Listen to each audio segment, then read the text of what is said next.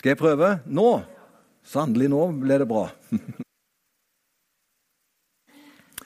eh, ta dere med i, eh, i forkynnelse, og det som jeg gjør nå noen ganger. Det er rett og slett at jeg taler gjennom Galaterbrevet. Det er et eh, nokså kort brev. Det er seks kapitler.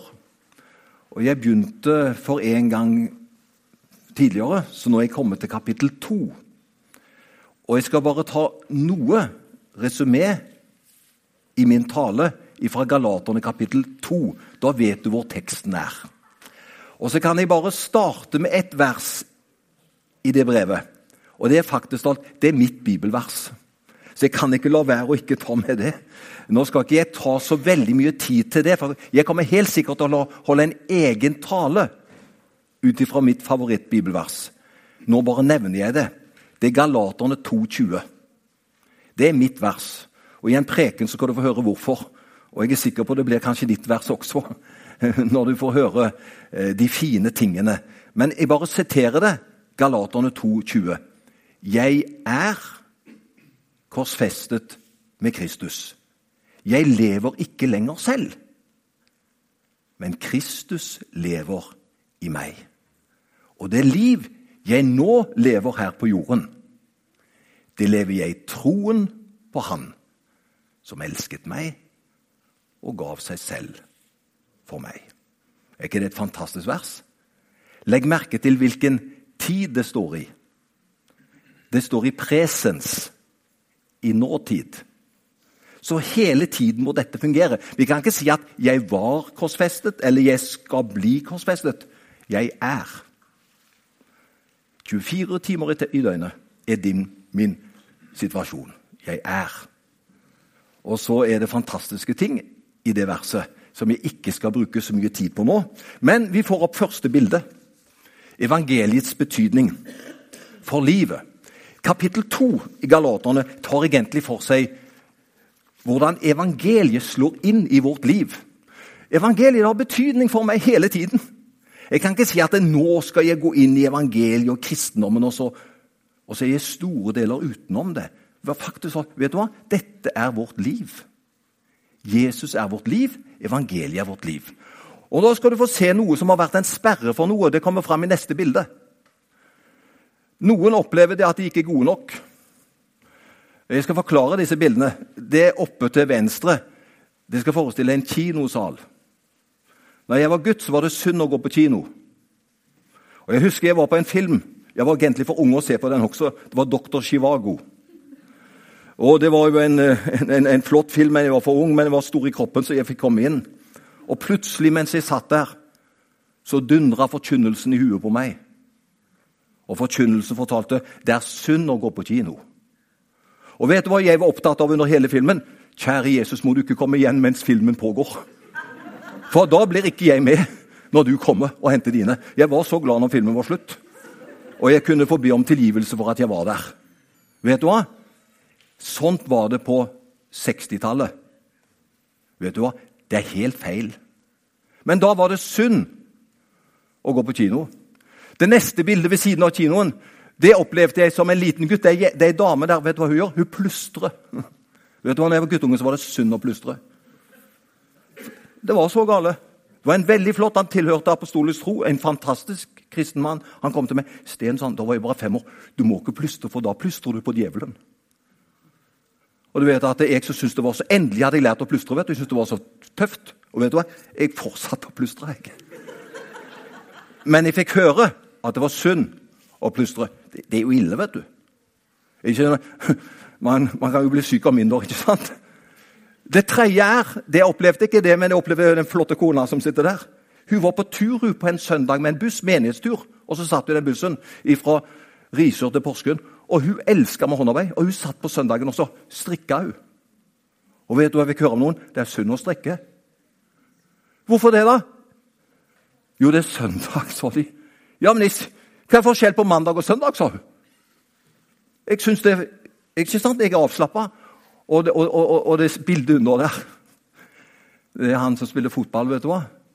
Jeg fikk ikke lov å sparke fotball heller. Det, det er nesten et under at det ble noe av meg. Mor mi kom og henta meg når jeg spilte fotball Avaldsnes mot Kopervik. Jeg hadde fire på ryggen, var stolt som en hane. Og så hadde fått idé om at jeg var på fotball, så kom hun, og så ser jeg et uhyre langs eh, åsen komme nærmere og nærmere fotballbanen. Og hun roper med myndig stemme, for hun var myndig.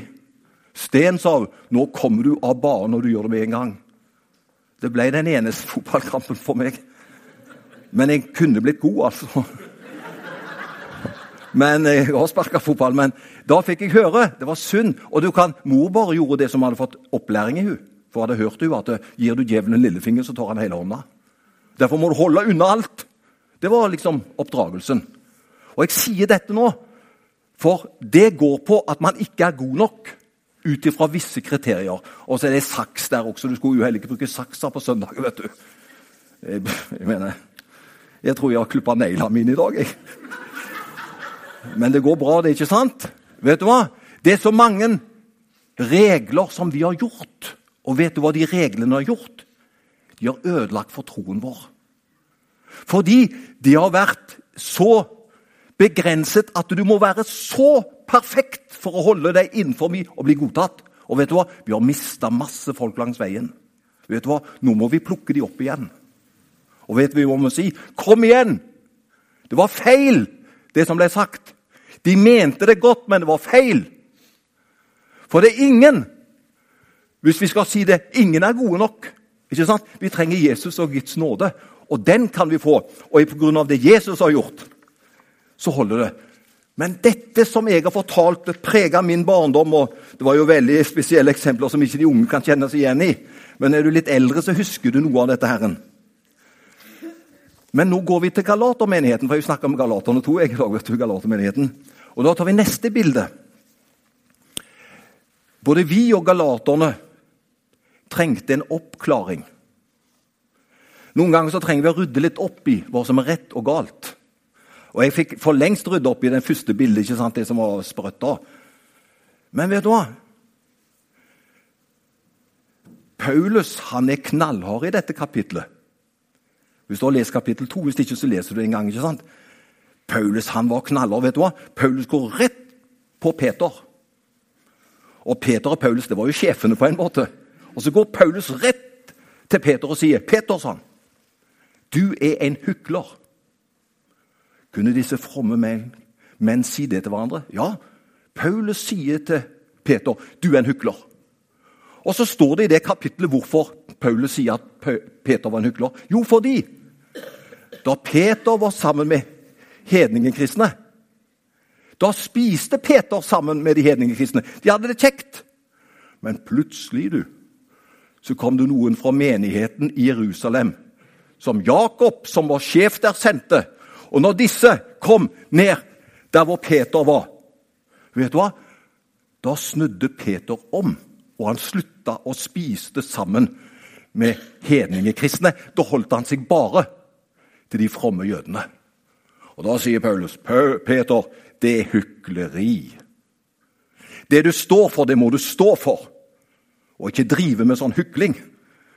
Jeg talte om dette et sted, og han synes det er nesten trist at det står sånt om Peter, for han, han fikk jo nok i forbindelse med påsken. Så fikk han en runde nå også, men vet du hva? Vi får noen runder hvis vi er ærlige. For vi har noen ganger utfordringer med livet, ikke sant? Og så vil vi tilpasse oss. Og vet du hva? Paulus gjør i dette kapitlet. Han sier vi må ikke tilpasse oss slik at evangeliet mister sin kraft. Og evangeliet kan miste sin kraft hvis vi sper på med loviskhet og hva vi må gjøre. For hvis vi må gjøre ting, vet du hva vi sier da? Da sier vi det at det som Jesus gjorde, er ikke godt nok. Hør hva jeg sier. Hvis vi sier at vi må gjøre ting ved siden av frelsen, da forteller vi at det Jesus gjorde, er ikke godt nok. Men jeg har lyst til å Nå vil jeg ikke rope, da, for du kan bli skremt. De roper bare på Vikingstadion. Vi skal ikke gjøre det nå. Men vet du hva? Vi må få høre det. Det er bare det som Jesus har gjort, som holder. Og vi kan ikke gjøre noe til for å ordne på det. Hvis vi legger noe til, da legger vi noe til frelsen, og det er farlig, det. I dette kapitlet så har vi Noen vil begrense friheten. De sier det at eh, nei, Du må altså drive på med litt sånn loviskhet. Du må holde loven, du må holde Moseloven og liksom, du må holde budene. Noen vil begrense friheten. og vet du, vet du, hva Paul sier? Det var noen, Han kaller det for falske brødre. og vet du hva han sier, De falske brødrene? De prøver å snike seg inn sammen med oss. Og så sier han de falske brødrene, for de var falske. De vil endre evangeliet, så ikke evangeliet er nok. Man må ha altså disse tilleggene. Vet du hva Jeg liker godt nåde. Nåde vet du hva det er? Nåde pluss ingenting. Når det er nåde, så trenger det ikke være andre ting til. For det som er til da, vil bare trekke ned, og det vil ødelegge. I det kapitlet står det vi er gode nok bare ved å tro på Jesus. Og det er det som er evangeliet. vet du hva? Det er det det dreier seg om. Det å bare tro på Jesus. Har du Sønnen Jesus jo sant, ble kalt for Sønnen. Har du Sønnen, da har du livet. Har du tatt imot Jesus, da er det det du kan leve på. Og når vi skal flytte herfra en dag, så er det bare Jesus som kan hjelpe oss det siste veistykket. Og det er bare i kraft av det han har gjort, som holder oss alle. Vi blir aldri gode nok ved hjelp av lover og regler. Det står to skriftsteder der, men før du får de to skriftstedene, kan jeg få neste bilde. Norske lover her er bare et bilde på Moseloven, ikke sant? Du ser eh, Dommen falt. Du er skyldig. Og eh, ingen av oss klarte vet du, å leve slik som vi skulle. Vi var fortapt, ikke sant? Vi levde uten Gud og uten håp i verden. Vi var døde, står det. Et annet sted i våre synder og overtredelser. Det var finito. Dommen falt. Klubba slått. Du er skyldig. Ikke sant? Vi har brøt alle lover, og vi kan ikke holde loven. Men kan vi gå tilbake til neste bilde, da? For der står det to veldig flotte skriftsteder. Romerne 7,4 og Romerne 6,14. Jeg har lyst til å lese de, for det forteller egentlig om vår situasjon. Romerne 7, vers 4. På samme måte, mine søsken, døde også dere bort fra loven ved Kristi kropp, for at dere skal tilhøre en annen. Tenk, her står det at vi som er blitt søsken, vi som er blitt Guds barn, vi døde bort fra loven ved Kristi kropp. Du vet den loven, den svære boka. Det var ingen som klarte å holde det som sto der. Og vi ble straffa, og vi måtte dø. Men vet du hva? Da vi døde, da ble det vår redning. Og Da kan vi gå til neste vers, der 6.14. 6.14, Der står det 'Synden skal ikke herske over dere', for dere er ikke under loven, men under nåden. Det er Noen som tror det at du er en kristen, så skal du ha 50% lov og så skal du ha 50% evangeliet. Vet du hva? Du kan ikke kombinere de tingene. Du kan ikke ta litt lov og masse nåde. Du må velge side. Enten så må du velge loven, eller så må du velge nåden. Og For meg er valget veldig enkelt. Vi har dødt ifra loven. Og når vi har dødt ifra loven, da har ikke lenger loven noe makt over oss, for vi har dødt ifra den. Loven, den lever i beste velgående. Og vi blir angrepet av loven hver dag. Men vi er død for loven. Da går vi ikke til neste bilde, men bildet efter der igjen. Og Da kommer vi til Galaterne 2,20. For vi fikk høre at det, vi er død for loven, ikke sant? Vi er døde. Det er faktisk talt redningen til deg og meg det var at vi måtte dø ifra vårt gamle liv. Vi måtte dø ifra loven og loviskhet. For vi klarte aldri å leve opp til loven allikevel. Og Derfor står det 'Jeg er korsfestet med Kristus'. Jeg lever ikke lenger selv. Og da har jeg sagt det når jeg har snakka til unge mennesker, og jeg kan si det til oss i dag også, for det, det er et godt spørsmål, for det får oss til å tenke. Hvis du er korsfesta og i tillegg ikke lenger lever, hva er din status da? Ja, Den kan ikke være mer klinkende klar enn da er du død. Du er både korsfestet, og du ikke lenger lever selv. ikke sant? Da er du død. Og vet du hva? Det er det som er din og min redning som kristen. Vi må dø fra loviskhet og det å få det til å være noe, for det klarer vi ikke allikevel. Vet du hva? Det er et mye bedre liv. Og vet du hva det er? Det er at Kristus lever i meg. Kristus vil leve sitt liv gjennom meg. Men Kristus lever i meg. Og vet du hva? Får han det til? Har han et flott liv? Kan han hjelpe meg? Kan han være min trøst? Kan han være min styrke? Kan han være min framtid? Selvfølgelig. Og så er jeg korsfesta, jeg lever ikke lenger selv, men Kristus lever i meg. Og vet du hva? Når jeg fikk se det at Kristus lever i meg 24 timer i døgnet, i nåtid, da er det fantastiske muligheter. Jeg tror jeg har tid til den eh, Jeg har, jeg har veldig kontroll på tiden, så jeg har tid til å si dette. Når jeg var en ungdom, så var jeg enormt sjenert. Jeg var så sjenert at jeg hadde problemer med å være predikant, for da må du være en viss sosial eh, størrelse.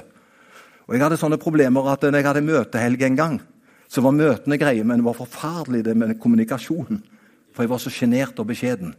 Og Da bestemte jeg meg for at jeg tror jeg må slutte å bli predikant. Fordi jeg er jo så sjenert og beskjeden.